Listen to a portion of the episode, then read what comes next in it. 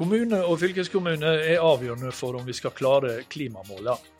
Har de egentlig tatt det inn over seg, og har statlige myndigheter tatt det inn over seg? Der livet leves, en podkast fra KS. Velkommen til KS-podden Der livet leves. Jeg heter Kjell Erik Saure.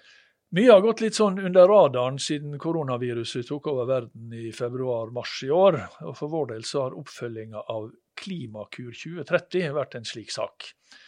Eh, enda den ble lagt fram i januar i år, men høringsfristen den var i slutten av april. Nå skal vi prøve å gjøre litt godt igjen på det, og derfor velkommen hit, direktør for Miljødirektoratet, Ellen Hambro. Takk. Og kanskje vi rett og slett skal begynne med at du forklarer kort hva er Klimakur 2030? Eller 2030, da. Eh, Klimakur er en rapport hvor vi har analysert hvordan kan Norge kutte utslippene med 50% innen 2020. Og da har vi gått gjennom hver eneste sektor og lett i hver krik og krok og laget analyser av det. Og så ville også regjeringen at vi skulle få fram eh, hvor mye kommer det til å koste kroner per tonn eh, redusert. Og, så det var en svær rapport på over 1000 sider som vi lagde sammen med mange andre direktorater. og den er et kunnskapsgrunnlag som regjeringen nå har på bordet sitt, og så skal de legge fram en stortingsmelding til høsten om hva slags politikk Norge skal ha for å kutte utslippene framover. Så dere har på en måte levert en liste, omfattende liste som man kan plukke fra, da, og så få prisen på hva koster de ulike tiltakene? En grundig og omfattende liste, ja. Ja, nettopp.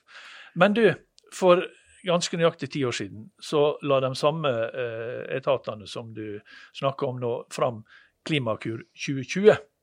Og Den ble også fulgt opp med en stortingsmelding. Og da eh, skulle man redusere utslippene med jeg tror det var 15-17 millioner tonn eh, ja, CO2-ekvivalenter. Ja, noe, sånn, ja. noe sånt. Men i alle fall, man hadde et mål på utslipp, eh, utslippsreduksjoner. Det har jo ikke gått så bra. Eh, En god del av de tiltakene som ble utredet i Klimakur 2020 har blitt iverksatt. Elbilpolitikken er et godt eksempel Mm. på det. Og utslippene i Norge har ikke gått vesentlig ned siden 1990. Men i Mm. den samme perioden har vi også blitt vesentlig flere folk i Norge. Mm. Og så har det vært en liten dipp i utslippene de siste par årene. Bitte liten. Eh, men altså når du sier reduksjon, eh, redusere klimautslippene med, med, med 50% det er ikke fra 50 fra i dag, det er 50% av nivået for i, i 2005. Eh, Ja, målet i Norge, det offisielle målet som Stortinget har fastsatt, det er at man skal kutte utslippene med 40% innen 2030 sammenlignet med 1990. Ok, Og så ja. var oppdraget vårt å analysere 50 kutt, sånn at politikerne skal ha litt å velge i. ja, nettopp. Mm. Ok, ja vel. Men du, KS de skriver i, i høringssvaret sitt eh, her hjemme og i enda større grad i EU-land pågår det nå en interessant debatt om hvordan det, den store innsatsen for å holde økonomien i gang under koronaepidemien også må innrettes mot å dekke langsiktige behov og omstilling til nye klimaløsninger. Flere anmodningsvedtak fra Stortinget i forbindelse med krisepakkene peker delvis i samme retning. Klimakur utgjør et viktig kunnskapsgrunnlag for en eh, videre diskusjon om dette. Eh, og etter, Ca. en måned etter dette høringssvaret kom og høringsfristen deres, så kom jo den siste tiltakspakken fra regjeringa på 27 milliarder kroner, om jeg ikke tar feil. Og av det så var, gikk 3,6 milliarder til eh, klimatiltak, en sånn klimapakke. Eh, jeg hørte iallfall en god del miljøorganisasjoner og parti som var veldig misfornøyd med det. Eh, Hvordan var stemninga i Miljødirektoratet da? Altså Min jobb som direktør for Miljødirektoratet er å være lojal og begeistret for regjeringens politikk ja, uansett, og Ja. ikke mene så mye om den. Men det er klart at eh, eh, det kom 3,5 milliarder øremerket til spesielle miljøformål, og mye av dette var med økt støtte til Enova, som er veldig viktig for å bidra til teknologiutvikling. Og det kom også eh, 70 millioner økning på klimasatsmidler, altså støtte til kommunale klimatiltak. Så det er jo gledelig for KS sine medlemmer. Ja, det er det, men, eh, men altså, eh, er det like gledelig for klima? Altså, dere hadde jo, altså der er jo Klimasats eh, er jo som du sier en sånn ordning som kommunene kan søke på på konkrete tiltak. Og det er jo veldig Altså, kommunene søker jo støtte til tiltak som går langt utover de pengene dere har å fordele. Og så kom det en økning på, på 50 millioner. Men det er mye større potensial på, på tiltak, er ikke det det? Ja, så nå har vi I år i utgangspunktet hadde vi 180 millioner til fordeling, pluss 77 millioner som er øremerka til hurtigbåter eh, mm. i kommuner og fylkeskommuner. Så fikk vi da en økning nå på 50 til generelle klimatiltak og 20 til på hurtigbåter. Det er ganske mye penger til fordeling. Så får vi selvsagt inn flere søknader enn den totale potten vi har til fordeling. Mm. Eh, men eh, nå med den økningen så er det en ganske stor andel av søknadene som kommer til å få tilslag. Så det vil bidra til mye bra aktivitet på klimaområdet i Kommune-Norge. Altså. Men det at dere får uh, såpass mange søknader, da, og, og også langt utover det dere har å, å, å fordele, betyr det at engasjementet for for klimatiltak i kommunene er, er, så stort, eller er det på en måte bare en måte de har sett å få inn penger på? Nei, jeg Opplever dere et stort engasjement? Ja, det er jo en stor endring. Jeg har jobbet med dette i mange år. Jeg vil si at De siste tre-fire årene så har det vært en voldsom økning i engasjementet i klimaarbeidet i Kommune-Norge.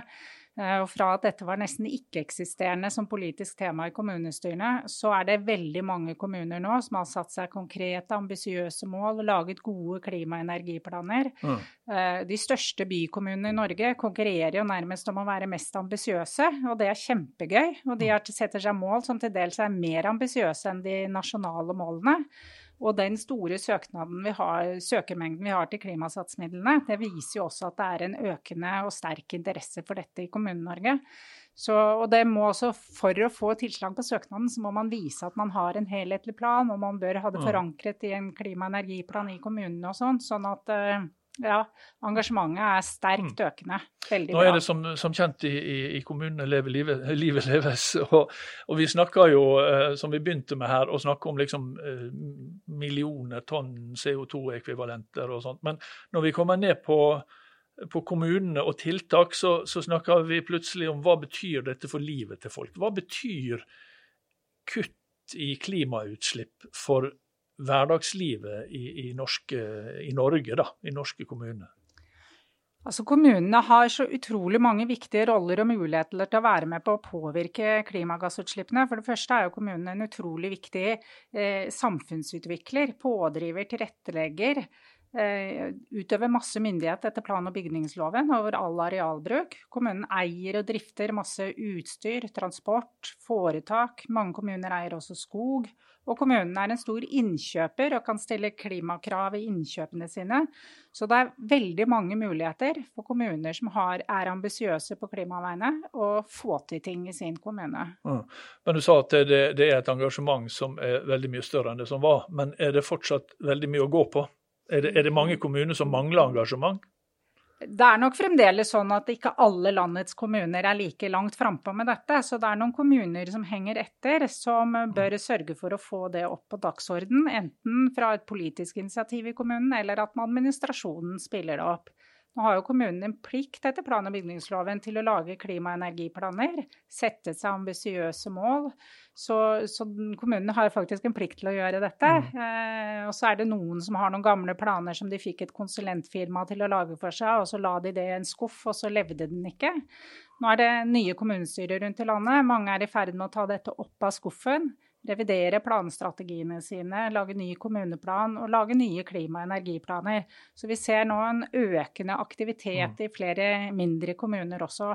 Men jeg har lyst til å si at det er ikke bare de store kommunene jeg har lyst til å skryte av. Det er mange mindre kommuner også som, som har et sterkt engasjement og gjør veldig mye bra. Så noen steder har det liksom vært avhengig av ildsjelene både i politisk og administrasjonen. Og vi, nå begynner det å spre seg, sånn at ikke, man er ikke avhengig av ildsjeler. Nå kommer de inn i systemet. Det må ligge i, i ryggmargen på Kommune-Norge. For det må det for at det skal hjelpe på. Det, det, det, man kan ikke lage et system som gjør at når en flytter fra en kommune til en annen, så legges arbeidet dødt. Nei. Har det vært litt slik? Det har vært litt sånn. Det har vært for mye avhengig av ildsjeler. Men nå ser vi at det i mye større grad kommer inn som en naturlig og nødvendig del av kommunens ordinære arbeid. Og man bør ha et fokus på klimagassutslippene sine på samme måte som man har fokus på bunnlinja og budsjettet i kommunen. Mm.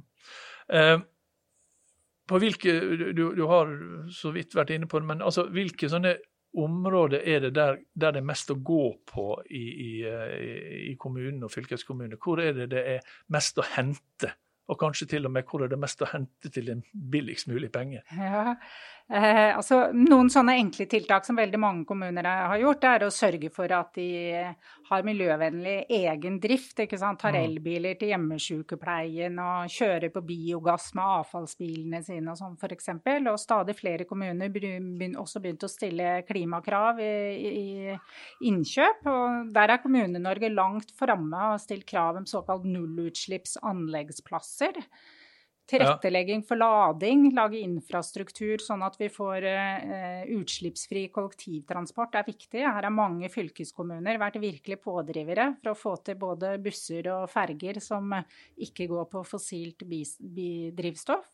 Og så jo, har jo viktig, kommunene en viktig rolle selve den samfunns- og arealplanleggingen. Å lage eh, samfunn hvor det er korte avstander, hvor man ikke er avhengig av å kjøre bil, hvor man kan sykle og gå å lage kommuner som tilrettelegger for at både næringsliv og kommuner som ønsker å lokalisere seg et sted hvor det er en høy miljøprofil, mm. vil velge å komme til din kommune hvis du er bra på klima. Mm. Og så har du dette med eh, innkjøp. Kommunal, altså offentlige innkjøp. Der er det også en del å hente, har jeg skjønt? Absolutt. Og der er det jo sånn at lov om offentlige anskaffer, eh, anskaffelser pålegger alle offentlige virksomheter å fremme klimavennlige løsninger gjennom anskaffelser.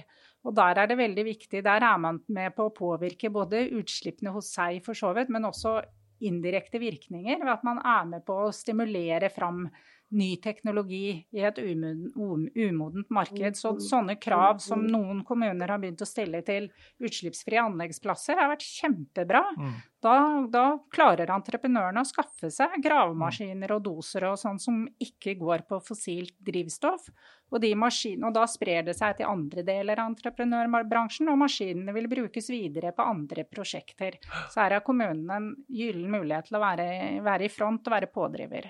Du, denne uka så hadde KS sammen med en del kommuner og fylkeskommuner møte med, med, med klima- og miljøministeren, Rotevatn.